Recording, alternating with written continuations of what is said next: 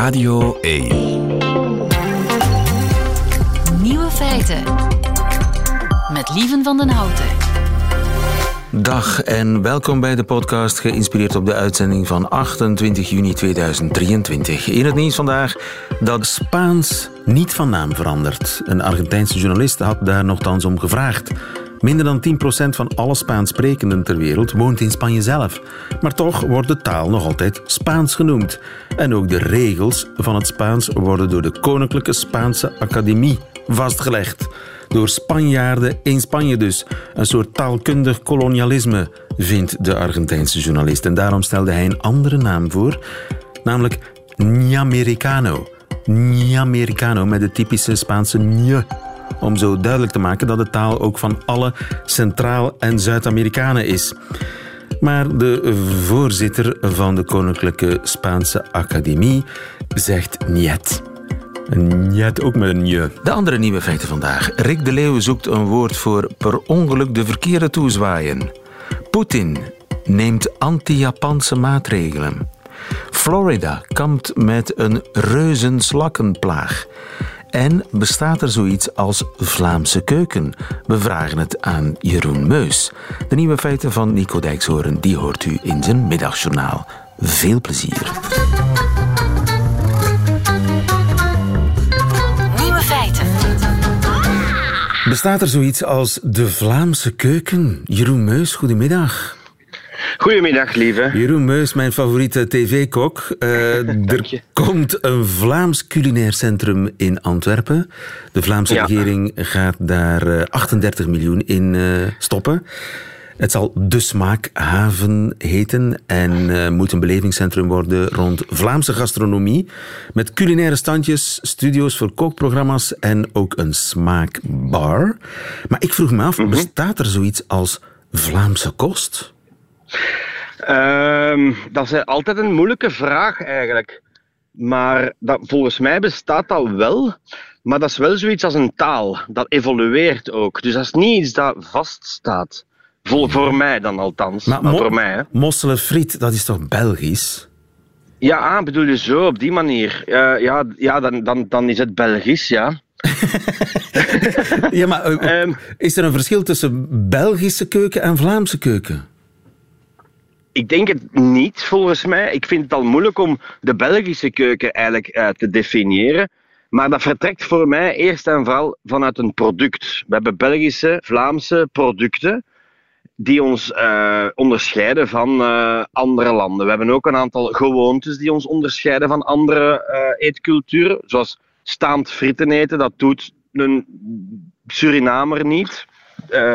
Eh, dus dat zijn een, paar, een aantal gebruiken dat we hebben. Gebruiken echt- en- met producten bedoel je zoiets als witlof of... of eh, asperges, asperges. Onze, aard, onze aardbeien, volle grond, onze, ja, inderdaad het grondwitloof.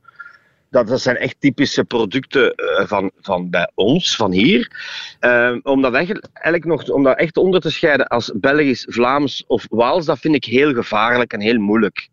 Om, we hebben al zo weinig ten opzichte van de Spaanse keuken de Franse keuken. Ik denk dat inderdaad een Belgische keuken een betere omschrijving zou zijn. Maar wat wij bijvoorbeeld wel heel goed kunnen, is eh, wij werken een heel varken op. Charcuterie, slagerij, beenhouwerij. Dat is zeer typisch van bij ons, vind ik persoonlijk. En wij hebben heel veel eh, gerechten waar we een soort van nostalgie bij voelen, die dat we wel kunnen claimen dat ze van bij ons zijn. Zoals witloof in de oven, eh carbonaat à la flamande hè, is het eigenlijk. Hè, stoverij op zijn Vlaams, stoofvlees. Dat zijn wel klassieke termen waar dat het Vlaamse woord in asperge à la flamande is Vlaams. Maar om, ja, ik, ben wel, ik voel me meer Belg dan alleen maar Vlaming om, om, om heel die keuken te omarmen. Anders wordt het weer zo beperkt. Ja, ja, maar inderdaad, eh, asperge à la flamande, dat, dat, dat zou je kunnen zeggen, dat is iets Vlaams. Maar dat eten ze in Brussel ook, neem ik aan. Of in Wallonië. Absoluut, absoluut. Dus dat, dat is voor mij zo. Ik vind het dan wel moeilijk, want wat doe je dan met nieuwe klassiekers? Ehm, en ik bedoel daar dan bijvoorbeeld mee ehm, spaghetti met gehakt paprika, champignon, wortel en ui. Ja. Dat wordt, dat wordt eh, veel gemaakt in, in de Vlaamse gezinnen of in Belgische gezinnen.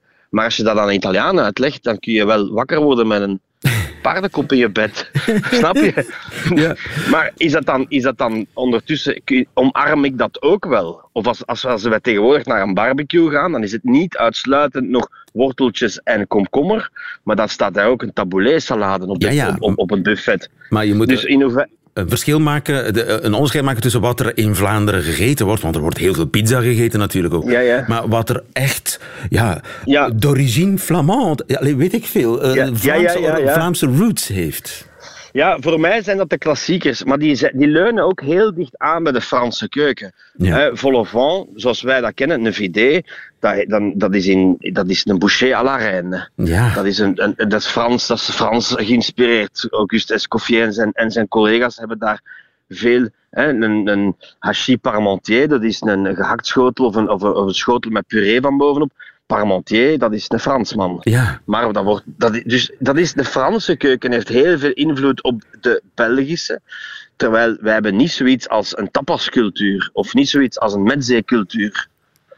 Dus ja, waar trek je de lijn? Ja. Dat weet ik we tasten, Dat vind we tasten in het duister, hè, Jeroen, wat Ja, dat is moeilijk. de grens Ik voel, het, ik, voel het, ik voel het veel eer vanuit het kip met appelmoes. Dat vind ik iets van bij ons.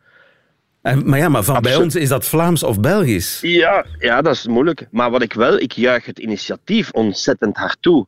Dat is iets waar wij al jaren eh, ehm, eh, op wachten. Dat heeft de, de Spaanse eh, overheid heeft al jaren geleden enorm geïnvesteerd in hun Spaanse koks en in hun eetcultuur. En opeens waren zij toonaangevend. Aha. Millennium, hè, remember de moleculaire keuken. Dat kwam allemaal vanuit Spanje. Dus ik vind een initiatief om, om eh, culinair erfgoed, noem Belgisch-Vlaams, om dat te ondersteunen, vind ik, vind ik fantastisch. En eh, we hebben hier een aantal hele toffe historici in het land die bezig zijn met, met voedselgeschiedenis en herkomst, die je ook op eh, het verhaal van Vlaanderen leerde ik die mensen kennen. Ja, dat is, dat is super interessant. Dus Ja. om, om die synergie te maken tussen koks en, en historici en erfgoed, ja, ik vind het wel, ik juich het wel enorm toe. Ja, en de discussie, het debat kan beginnen hè, over wat nu Ja, Frans, Belgisch, Brussels, Waals, Vlaams is. Gentse waterzooi, ik doe een laatste poging.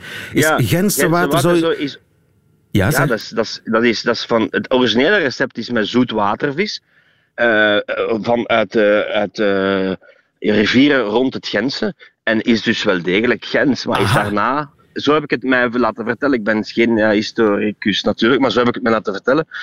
Eh, uit de boeken van de Kouderlier kun je dat blijkbaar opzoeken. Dus dat is wel Gentse waterzooi. Aha. Toch iets wat eh, boven elke Brabants, verdenking Brabants staat. witlof. Brabants witlof. Mechelse asperges. Voilà, we komen, we komen er. Ik voel het, we komen er. Jeroen, Jeroen Meus, we zien elkaar in de smaakhaven in Antwerpen als die af is. Dag, Dankjewel. Daar ga ik Nog een fijne naartoe. dag. Dankjewel. Voor jou ook. Dag lieve. Het ontbreekwoord. Rick de Leeuw gaat op zoek naar woorden die in onze taal helaas nog niet bestaan. Nee, er zijn geen woorden genoeg. Eh, Dat blijkt elke woensdag weer in Nieuwe Feiten. Goedemiddag, Rick de Leeuw. Goedemiddag. Jij blijft zoeken. Goedemiddag ook Ruud Hendricks, hoofdredacteur van Vandalen. Goedemiddag. Jij blijft het beste woord kiezen uit de vele suggesties van eh, Radio 1 luisteraars. Vorige week vonden wij zo het woord struisvogelplan. Eh, wat, wat wordt daarmee bedoeld? Een struisvogel- Eh, een struisvogelplan is een eh, groot plan waarbij je dan je kop in het zand steekt voor alle kleine plannetjes die blijven liggen. Ja, ja. Een grote overheersende ambitie die de andere Ja. ambities in de weg staat. Ik hoef die kraan niet te vervangen, want ik ga toch een nieuwe keuken bouwen. Ooit. Maar die, dat doe je natuurlijk nooit.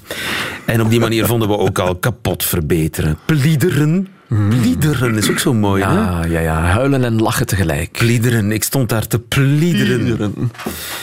Een hele lijst. U kan ze terugvinden op onze website. Maar we zoeken vandaag een nieuw woord. Voor welk fenomeen, Rick? Eh, voor het volgende. Ehm, stel je voor, op straat zwaai je naar een goede bekende die, als je dichterbij komt, heel iemand anders blijkt te zijn. Of erger nog, je zwaait enthousiast terug naar iemand die, na- die naar jou zwaait. En even later blijkt dat er niet naar jou werd gezwaaid, Ja. maar naar iemand Oh. die vlak achter hier loopt. Ja, kijk, Harry Styles zwaait naar mij. Oh, Harry. En dan ja, blijkt Juist. niet voor mij te zijn. Ja, zoiets. Ja, story of your life. Story of my life, u zegt het, meneer. Eh, is, er een, is er zoiets als een top 7 voor ons? Ja, Heb maar jij we- een selectie gemaakt? We kregen van heel veel luisteraars heel veel groeten. Het was eh, eh, overweldigend. Flop groet, schijn groet, bloos groet, blauw groet, vergis groet, dode mus groet, slip groet, overgroet, uitschuif groet, fantoom groet, afzwaaier groet, verdwaal groet, waan groet, blunder groet, lapsus groet, geneer groet of om het met de suggestie van luisteraar Edwin van Mook te zeggen, het zijn allemaal vormen van ontgroetingen. Juist, ja. Verzwaaien zat er ook tussen, neem ik aan. Ik heb mij verzwaaid. Het zou best kunnen, ik weet het niet. Het, eh, eh, eh, we gaan de top 7 laten horen. Wie, wie weet, wie weet zit er tussen de top 7. Luc Dens en Isabelle Puttaert, onafhankelijk van elkaar, kwamen met een schampgroet. Een schampgroet. Een groet die eigenlijk, ja, een- zoals een schampschot eigenlijk. Hè? Ricocheert. Ja. ja. Nu, ik heb er de afgelopen week over gedacht, nagedacht. ehm, en, maar dit was eigenlijk een heel moeilijke opgave. Omdat het groeten in de twee richtingen gaat. Ja. Ja. En, ehm, En we zoeken eigenlijk een woord dat min of meer alle, Juist. alle situaties Alle dekt. situaties kan dekken. En, en dit bijvoorbeeld, een schampgroet, dat kan alleen uitgaan van degene die jou groet en naast jou door groet. Snap je wat ik bedoel? Het is zoals een schampschot, dat komt van iemand anders. Die schiet in jouw richting bijvoorbeeld. Niet en- voor jou bedoeld, maar jij, jou jij bedoeld, vangt maar jij kogel. krijgt een, eh, een lichte vleeswond. Hè? Ja. Dus de schampgroet kan volgens mij alleen maar voor de situatie zijn van... Iemand, jij denkt dat iemand jou, jou groet, maar het is bedoeld voor iemand anders. Oké. Ja, dus het werkt maar in één richting voor mij. Maar, maar het is wel mooi gevonden. Hè? Schampgroet. Je weet dat ik van dat soort dingen hou als er toch zoiets in zit van een element dat je meteen herkent. Dus mocht de opdracht zijn beperkt tot, tot één richting. Harry Styles zwaait naar mij, Ja. dan, dit- dat dan was, dat, dit dan is het al- een schampgroet. Dan was het een schampgroet, ja. Oké. Helder. Ja. Eh, eh, Tine van Akkoleijen, Rafael Kromheken en tien anderen komen onafhankelijk van elkaar met een misgegroetje. Oké. Oh jee. Oh jee. Misgegroetje. Je weet dat ik niet van dat soort dingen hou. Maar is dit is toch prachtig? Eh, ja, jawel. Natuurlijk, er zit een soort ja, een, verwijzing, een verwijzing in naar weesgegroetje, maar wat, wat doe je daar ook mee? dat is- Hè, dus je hebt het woord, maar hoort daar ook een werkwoord bij?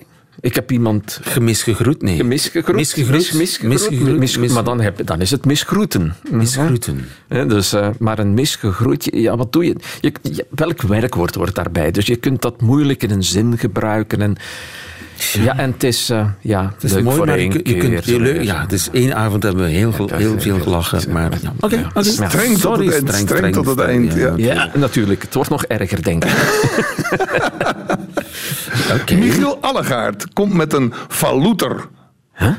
Een valouter. Dat is toch een prachtig woord. Je ziet Ja. het toch gebeuren. Een valouter. Ja, maar- Hij stond daar in zijn het- blote het- Ja, juist, daar denk ik ook meteen Wat? aan. Hoe komt dat nu? Want, want wat zit daarachter, achter Falouter? Ik denk een, een, een, een falende groeter. Denk ik. hè? Oh. Een valouter. Oh. Veel, een mooi woord, maar inderdaad eerder iets voor een, eh, iemand die hier in zijn blote Falouter staat. Blote we hebben er verkeer, we, we hebben een te dirty gedachte mind. bij. Ja, We hebben er verkeerde Je weet niet waar mee te zwaaien. Ja, ja.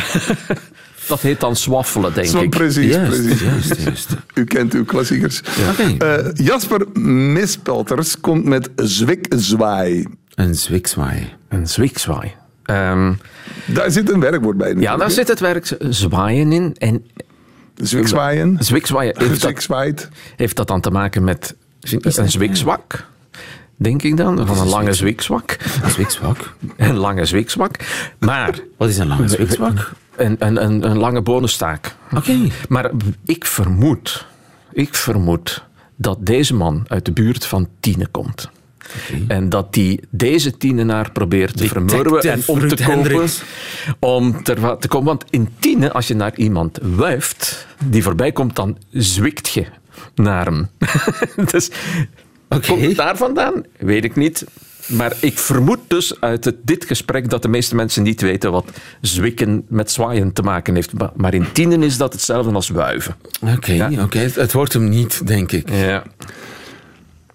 Janne Vastegaar, Guido van der Wiel en Jirg de Pre, wederom onafhankelijk van elkaar, komen met een vergroeting. Een vergroeting. Een vergissing, maar dan... ja. Het was een vergroeting. Nou, dit is een heel gewoon woord in het Nederlands. Hè. Als je ja, eh, het past in een rijtje, dat bedoel ik. Hè.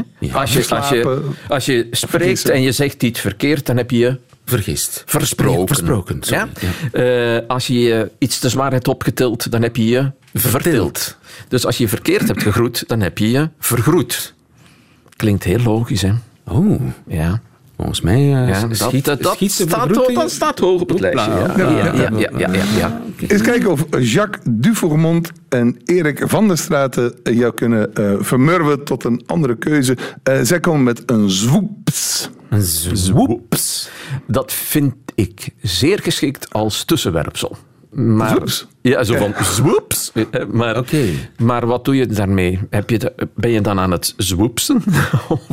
Eh, het, weet, je, dat element oeps vind ik echt wel sterk. Ja. Hè, omdat dat kennen we. Hè, van als je je vergist in iets wat je gezegd hebt, of dan zeg je oeps. Ja. We hebben zelfs een oepsgebied in de hersenen. Hè? Dat Ja. is een deel van je hersenen dat actief wordt als je merkt, ik heb me vergist en hier moet ik iets uit leren. dat heet het oepsgebied. Het oepsgebied. Jazeker, dat heet het oepsgebied. Eh, Het oepsgebied. het, het is ook bekend als eh, de anterieure cingulate cortex, maar oepsgebied is iets toegankelijker voor iedereen. iets makkelijker. Dus als er nu mensen zoiets hadden verzonnen als een oepszwaai of een oepsgroet, Een oepsgroet. dan hadden ze wat mij betreft gewonnen. Maar ik weet niet of dat genomineerd is.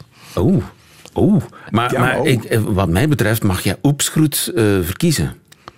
Ja. Als dat, als dat voor jou het beste woord is, ja, maar dat hebben we zelf verzonnen. maakt toch niet uit? Ja, Je bent toch ook een mens? ja maar, maar, Geef maar toe. maar rechter en partij tegelijk, dat is Ja, toch nee, dat vind nee, nee, nee. Je staat boven elke verdemping, eh, verdenking eh Ja. verheven. Heb- eh, hoeveel hebben we er nu gehad? Hebben we nu zes of zeven gehad? 7, 7, 7, 7. Oké, maar ik vind, ik voeg zelf oepsgroet eraan toe. Eigenhandig. Voilà. En dan is het aan jou, Riek, Ruud Hendricks, om eh, de knoop door te hakken. Een oepsgroet, een zwoeps, een schampgroet, een vergroeting vond jij ook heel mooi. Ja, ja, ja. Het is eh, heel moeilijk. Je, en je mag, je mag eigenlijk... Ja, je mag nog twee seconden nadenken, maar niet veel langer. Wel, hoe, hoe, hoe geweldig ik mijn eigen vondst ook vind. ik blijf, ik kies voor het oerdegelijke, zeer saaie, zich vergroeten. Zich vergroeten.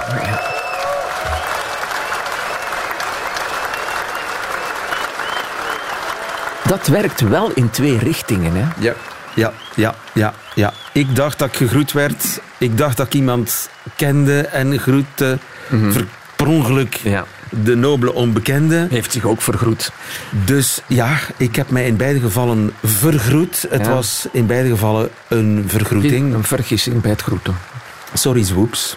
Ja, Sorry, oepsgroet. Oepsgroet, het had zo mooi geweest. Had mooi kunnen zijn. Maar ook moeilijk uit te spreken, hè? Bij nader, in, bij nader. Oepsgroet, ja. Oepsgroet, ja, oepsgroet, ja. oepsgroet. Oepsgroet, oepsgroeten. Goed, nee, nee, nee, we blijven bij eh, de keuze eh, vergroeting. Gefeliciteerd Janne Vastesager, Guido van de Wiel en Jirg de Pre en vermoedelijk nog vele anderen die dat woord hebben ingestuurd. Het is vandaag 28 juni 2023. We staan voor een zomerstop. Na de zomer nemen wij de draad weer op met het ontbreekwoord. Maar eh, eh, ja, het is een beetje lastig om een opdracht te geven die we pas op, over twee maanden zullen ja, beëindigen. Verzilveren. Verzilveren. Dat gaan we niet doen. Wat moeten we nu? Ehm, misschien eh, is een gedicht hier op zijn plaats. Je gaat me toch niet vertellen, Rick de Leeuw, dat jij een gedicht gemaakt hebt? Eh, jawel, jawel, jawel. En eh, het zal je verbazen, het heet ehm, sinds een paar minuten weten we dat. Het heet Vergroeting. Echt waar? Ja. Dus als je een, een streepje muziek voor me hebt, dan zal ik dat. eh, En is het een gedicht met alleen maar ontbreekwoorden? ik denk dat ze er allemaal in staan. Oh, nee, alle, alle, alle, en hoeveel zijn het er intussen? Oh, dat gaat de over de 40 heen, denk ik. Ja, Over de 40. Dus jij verlangt een muziekje Als dat kan. en dan begin je spontaan met het eh, eindgedicht van het ontbreekwoord en dat heet vergroeting. Vergroeting. Waar we tussen kaatsbellen en fuck Elise door nobiel ten prooi vallen aan zware einderzucht. Waar de coupékaper staat te kraaien nesten en waar menig sneuvelambitie door verstek vreugde wordt overstemd en het verschraalde cadeau met huigeljuichen door de schoongenoten als een struisvogelplan ontvangen wordt waar het hamerglas het rekgesprekje donderslags kapot verbetert en de nesties pliederen op de tonen van de Nevergreens. Waarop Bakerdag, de zelfdenker en zijn eergenoten wonderdanig digidolen tussen de had ik maartjes en de nog eventjes slechts één struikelklik verwijderd van de verdingensing van elkaar waar we huidsig sopperen, anaroom en overouderd, de estafettegeur en het memoaroma ternauwernood negerend, waar we door retrogène gedreven, haastig lopen te paniekdozen en de diggel-ideeën door blunderdrang in een door kruiptijd eeuwig lijkend zigzagje gevangen zijn. Jeetje. Daar, ja, daar, tussen het breinpuin, schiet het ontbreekwoord te hulp. Schiet nooit tekort, schiet altijd raak en fluistert op troostend zachte toon. Het is niet onopgemerkt gebleven. Dus rust nu maar, mijn vriend. Het is gelust. Het is gelust. Wauw. Eh, wij zijn sprakeloos, Rick de Leeuw. Al die ontbreekwoorden van de voorbije maanden versmolten in een prachtig eindgedicht. Ik hoop dat we dat eh, op onze site kunnen krijgen. En eh, we horen elkaar na de zomer terug. Heel graag. Het zijn- was een eer, een voorrecht en een genoeg om dit te mogen doen. Graag tot in september. Radio 1. Nieuwe feiten. Het is slakkenalarm in Florida, de Verenigde Staten. Het is er alle hens aan dek om de Afrikaanse reuzenslak te bestrijden. Thierry Bakkeljauw, goedemiddag. Goedemiddag, lieve. Professor Bakkeljauw van het Natuurhistorisch Museum in eh, Brussel, slakkenexpert. Een deel van Florida is in quarantaine gegaan. Is dat een soort lockdown? Hoe moet ik me dat voorstellen? Ja, het is geen lockdown zoals we die kennen van de, de COVID-19-pandemie. eh, maar de, eh, de verordening is eigenlijk zo dat mensen in de gebieden die onder die quarantaine vallen, dus geen slakken, of toch niet die reuzenslakken, mogen verplaatsen, mogen meenemen. En ook geen plantenmateriaal of aarde en dat soort van zaken waar ze die slakken op gevonden hebben, eh, mogen verplaatsen. Eh, en eigenlijk worden ze verondersteld ook dat ze, als ze de slakken zouden vinden, van ze te doden. Ja, ja. Maar dus eh, planten, aarde, compost, dat mag allemaal niet verplaatst worden. Dat is een ramp voor, voor, de, voor de land- en tuinbouw. Ja, het, het mag, eh, laat zeggen, het mag verplaatst worden eh, als, er, als men ziet dat er geen slakken tussen zitten of zo. Ja, hè. maar Dus, hoe weet je dat zeker? voor- Dat weet je niet zeker. Maar die slakken zijn zeer groot, dus je gaat die wel zien als ze zitten. Maar bijvoorbeeld eitjes, dat is een ander probleem. Eh, Eitjes zijn natuurlijk veel kleiner. Die zijn toch, ja, van die reuzenslakken zijn er toch eitjes van 4, 5 millimeter, soms groter. Dat hangt er een beetje vanaf. Eh dus die zie je misschien soms iets moeilijker. Eh, maar dus in principe is de bedoeling om te proberen om die slakken dus volledig uit te roeien in dat gebied waar die quarantaine eh, Ja. op, eh, op slaat. Maar je zegt het zijn grote beesten. Een slak, hoe groot kan die slak zijn? Wel, die, die eh, Afrikaanse reuzenslak, dat men ook wel eens de agaatslak, eh, zo'n groep van slakken, en die kunnen, sommige, so- dus de, de, de invasieve soort, dus de soort waar men het grote problemen heeft, die kan toch wel soms tot 20 centimeter groot worden. Hè? Dat zijn echt wel kanjers van slakken, ja, absoluut. 20 centimeter?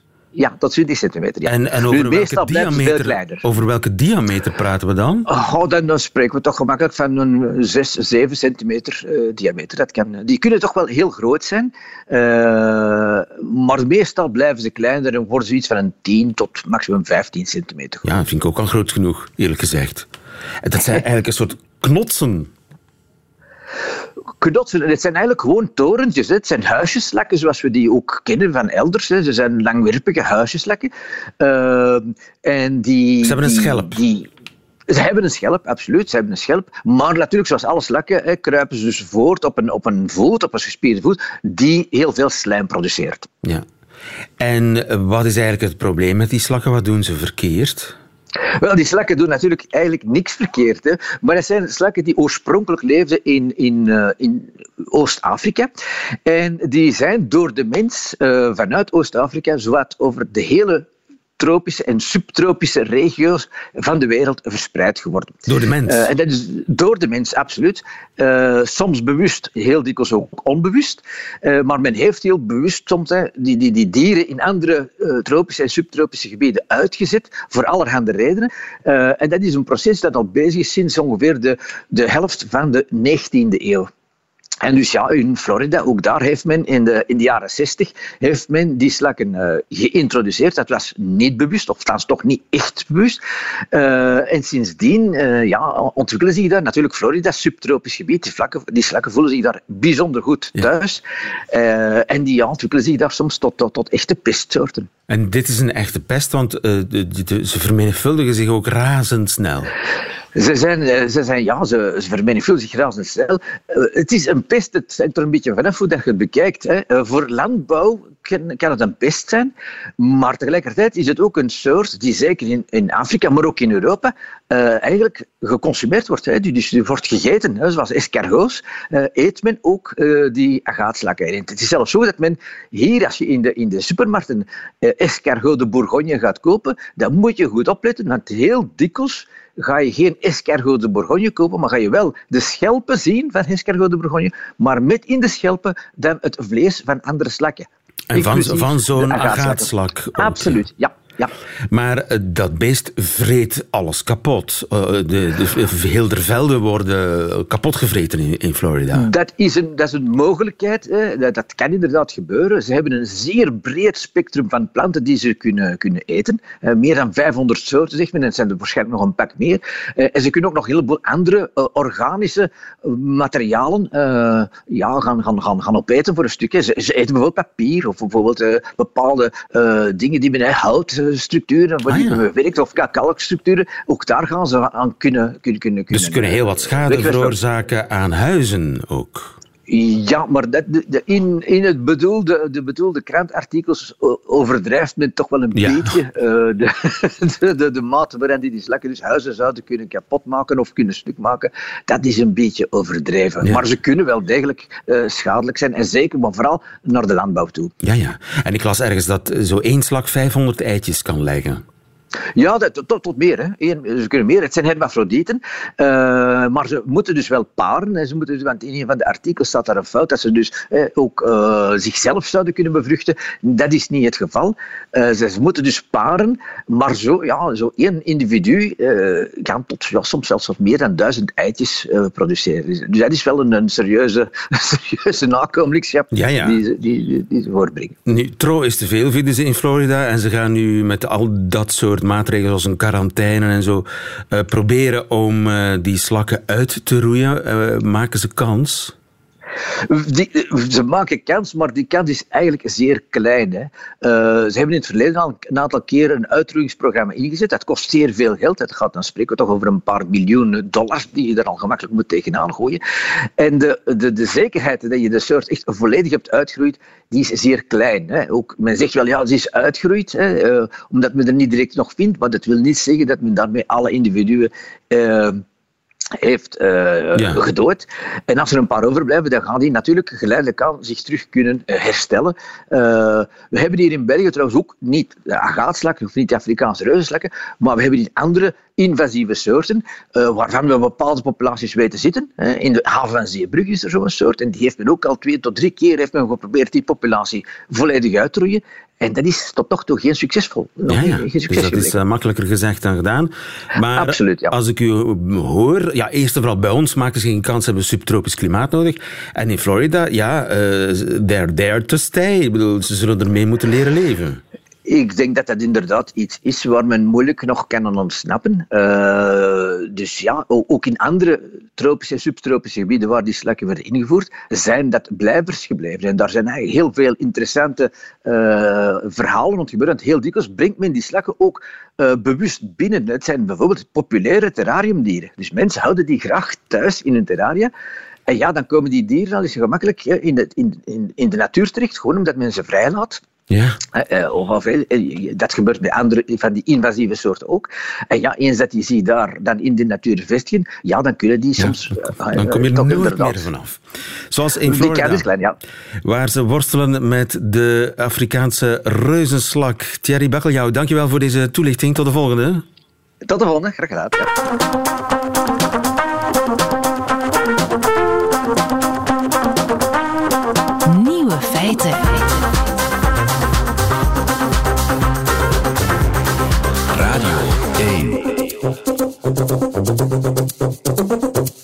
Drukke dag voor Poetin zaterdag. Tussen het neerslaan van een opstand door vond de president ook nog eens de tijd om een nieuwe herdenkingsdag in te voeren.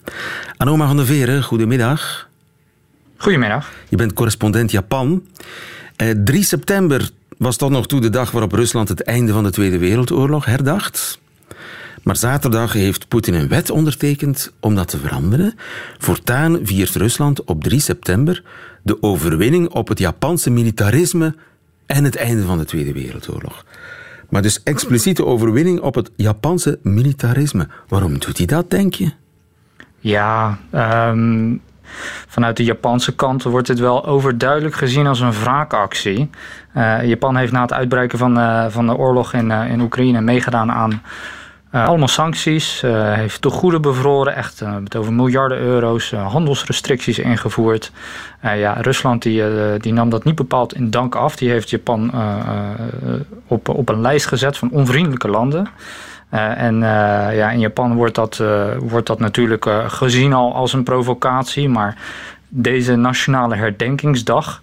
En heel specifiek dan uh, inderdaad op dat militaristische Japan. Ja, dat wordt dan gezien als een extra provocatie. Ja. Uh, Japan zegt uh, zelf ook, de overheid zegt ook zelf...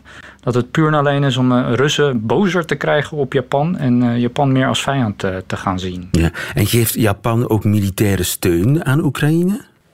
Nou, ze geven vooral heel veel geld en niet wapengerelateerd materiaal. Dus uh, denk bijvoorbeeld aan, uh, aan medische uh, middelen, aan, aan, aan kogelwerende vesten en dat soort dingen. maar het heeft in ieder geval ook wel meerdere keren uh, zijn steun uitgesproken voor Oekraïne. En al meerdere keren heel veel geld die kant op gestuurd. Waar uh, Oekraïne best wel wat mee kan doen ook. Dus uh, ja, behoorlijk wat steun in ieder geval. Ja. En dat is een beetje buiten de comfortzone hè, van Japan. Dat zich toch altijd zeer discreet opstelt internationaal.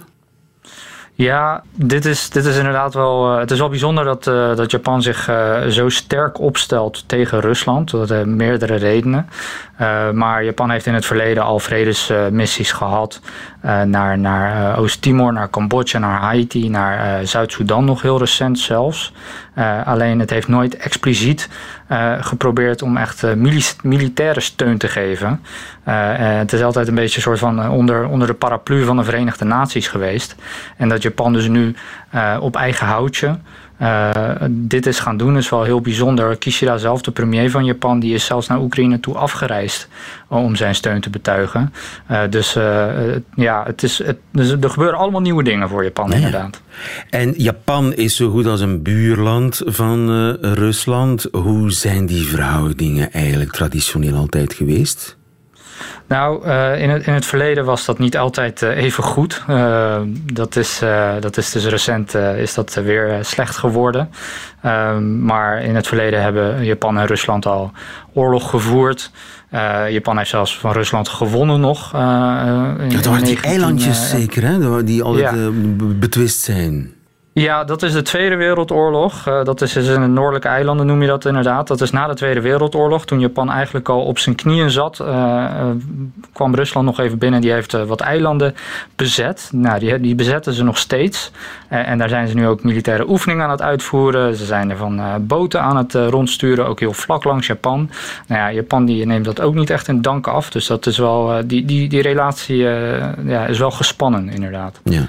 En economisch, Japan is een economisch powerhouse, uh, heeft heel veel uh, te bieden aan de wereld, uh, heeft waarschijnlijk ook veel energie nodig. Hoe zit het daarmee met die economische verhoudingen tussen Rusland en Japan?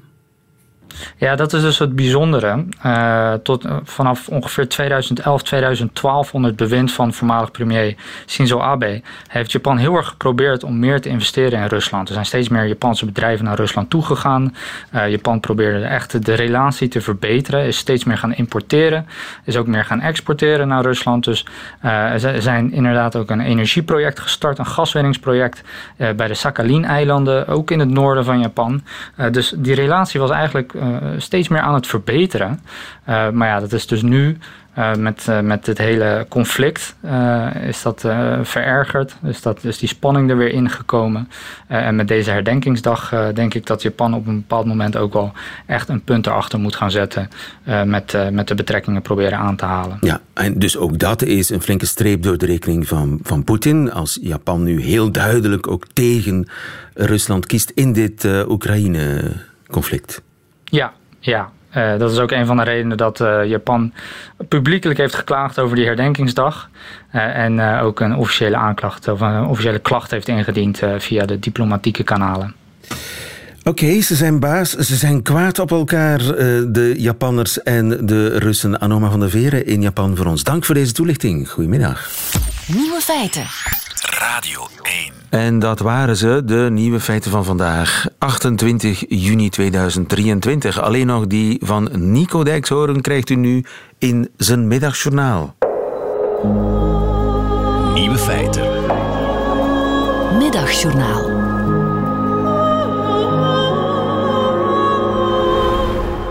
Beste luisteraars, gisteren vertelde ik u over een geurkaars die ik cadeau had gekregen. Als ik hem aansteek, dan ruikt mijn huis naar gember, honing en chilivlokken. Maar luisteraars, ik durf het niet. Het is een te groot avontuur. Het heeft, denk ik, en het zal weer eens een keer niet, met mijn jeugd te maken.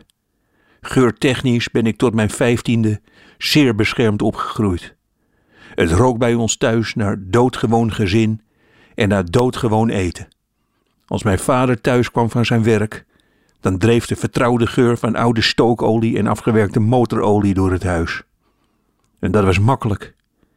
Ik zat op mijn kamertje en als het huis langzaam naar een stationair draaiende dieselmotor begon te ruiken, dan was mijn vader thuis. En dan gingen we bijna eten. Zou ik in die tijd opeens chilivlokken hebben geroken, dan had dat alleen maar slecht nieuws kunnen betekenen. Een voorbeeld, luisteraars, om even kort uit te leggen hoe ik door nieuwe geuren voorzichtig een nieuwe weg insloeg in dat bij elkaar gescharrelde leven van mij. Het was 1975. Het was donderdagmiddag. Ik was 15 jaar oud en ons huis rook vertrouwd naar oude kussens, te lang gebruikte handdoeken, overhemdoksels en naar onze albino-kat Ari, die nodig weer eens een keer door het hele gezin even kort onder de douche moest worden gezet. Ik zat in mijn bureautje en opeens begon het huis anders te ruiken. Naar gebakken uien, naar geschroeid vlees en naar vreemde kruiden. Ik hoorde mijn moeder, boven het sissen van een pan uit, heel hard zingen. Ik liep voorzichtig naar de keuken en daar stond ze, mijn moeder, met een enorme pan en ze schudde heel wild aan het handvat. Het rook in de keuken naar alles wat ik nog nooit had geroken. Wat doe je? schreeuwde ik. Wokken, schreeuwde ze terug. Het is iets nieuws. Het eten hoeft niet te worden gekookt. En daarna wierp zij de hele inhoud van de pan over haar schouder op de grond. Ze moest huilen. Ik troostte mijn moeder met mijn voeten in de gebakken rijst. Vandaar, luisteraars, dat ik wat huiverig ben voor chilivlokken. Het kan een grote verandering teweeg brengen. Mijn moeder, zij gaf niet op, bleef als een wilde iedere donderdag proberen te wokken. En daarom staat de geur van gebakken rijst en ketchup voor doorzetten. Niet bang zijn voor het onbekende en durven het vertrouwde los te laten. Allemaal dingen die ik nog steeds erg ingewikkeld vind. Ik ben iemand die het liefst 56 jaar lang op vakantie gaat naar hetzelfde huisje.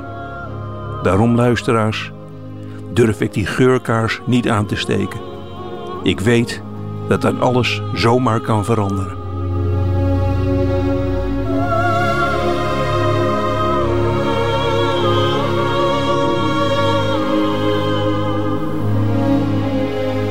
Het middagjournaal met en van Nico Dijkshoorn. Of hij de kaars ooit aangestoken krijgt, we vernemen het een van de volgende dagen. Einde van deze podcast doet u liever de volledige nieuwe feiten met de muziek erbij. Dat kan natuurlijk elke werkdag live tussen 12 en 1 op Radio 1 of on demand via de Radio 1 app of website. Tot een volgende keer.